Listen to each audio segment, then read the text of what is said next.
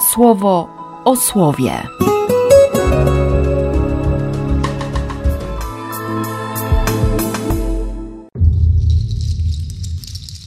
4 listopada, czwartek. Z listu do Rzymian. Bo przecież nikt z nas nie żyje dla siebie i nikt dla siebie nie umiera. Jeśli żyjemy, dla Pana żyjemy, także jeśli umieramy, dla Pana umieramy. Czy zatem żyjemy, czy umieramy, do Pana należymy. Przecież Chrystus po to umarł i znowu żyć zaczął, aby być Panem umarłych i żyjących. A ty, dlaczego osądzasz swojego brata? I również ty, dlaczego pogardzasz swoim bratem? Przecież wszyscy staniemy przed Trybunałem Boga. Napisane jest bowiem: Jak żyje, mówi Pan, przede mną zegnie się każde kolano i każdy język uwielbi Boga. A zatem każdy z nas da Bogu rachunek z siebie samego. Z Ewangelii według świętego Łukasza. Przychodzili do niego wszyscy poborcy opłat i grzesznicy, aby go słuchać. Szemrali na to faryzeusze i uczeni w piśmie, mówiąc: On przyjmuje grzeszników i jada z nimi. Wtedy opowiedział im taką przypowieść. Czy jeśli ktoś z was ma sto owiec i jedną z nich zgubi, nie zostawi na pustyni dziewięćdziesięciu dziewięciu i nie pójdzie za zgubioną, aż ją znajdzie? A kiedy znajdzie, bierze z radością na swoje ramiona i po powrocie do domu zwołuje przyjaciół i sąsiadów, mówiąc im – Cieszcie się ze mną, bo znalazłem tę swoją zgubioną owcę.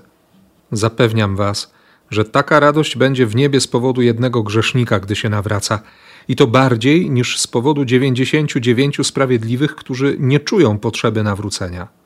Albo czy któraś kobieta, gdy mając dziesięć drachm zgubi jedną, nie zapala lampy, nie wymiata domu i nie szuka dokładnie, aż znajdzie? Kiedy znajdzie, zwołuje przyjaciółki i sąsiadki, mówiąc: Cieszcie się ze mną, bo znalazłam drachmę, którą zgubiłam. Taka radość, zapewniam was, pojawia się u aniołów Boga z powodu jednego grzesznika, gdy się nawraca.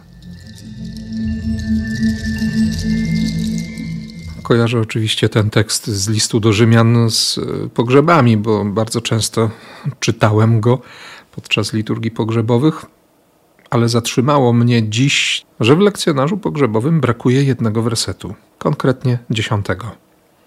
Bo jest jasne, że nikt z nas dla siebie nie żyje, nikt dla siebie nie umiera, bo, bo fundamentem jest relacja z Bogiem. I tutaj jest sens życia i sens umierania.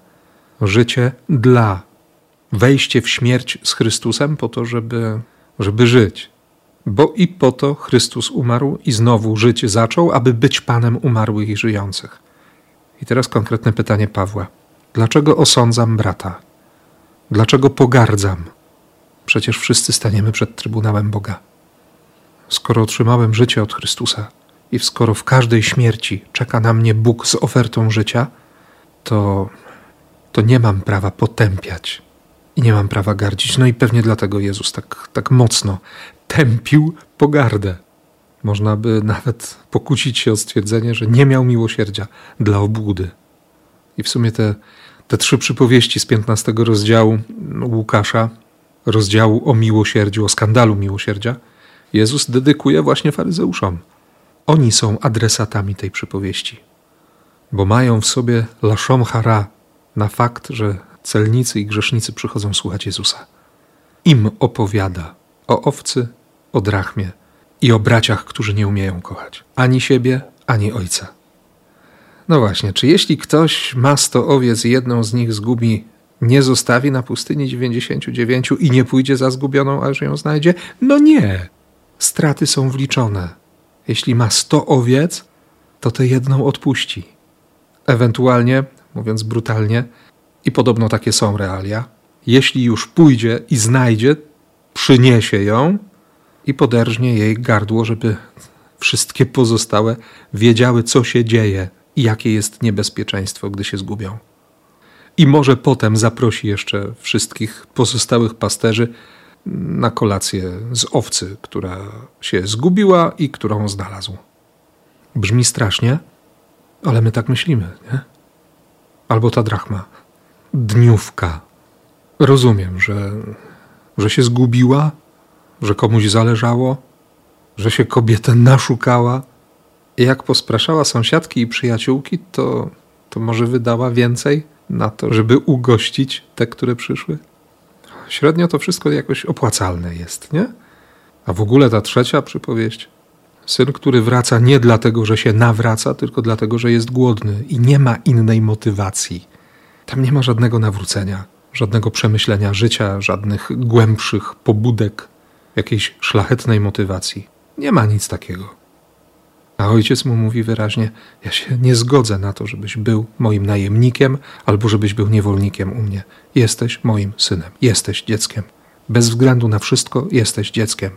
I młodszy, i starszy. Wracając do pierwszego czytania, dlaczego miałbym osądzać swojego brata, potępiać go? Dlaczego miałbym gardzić?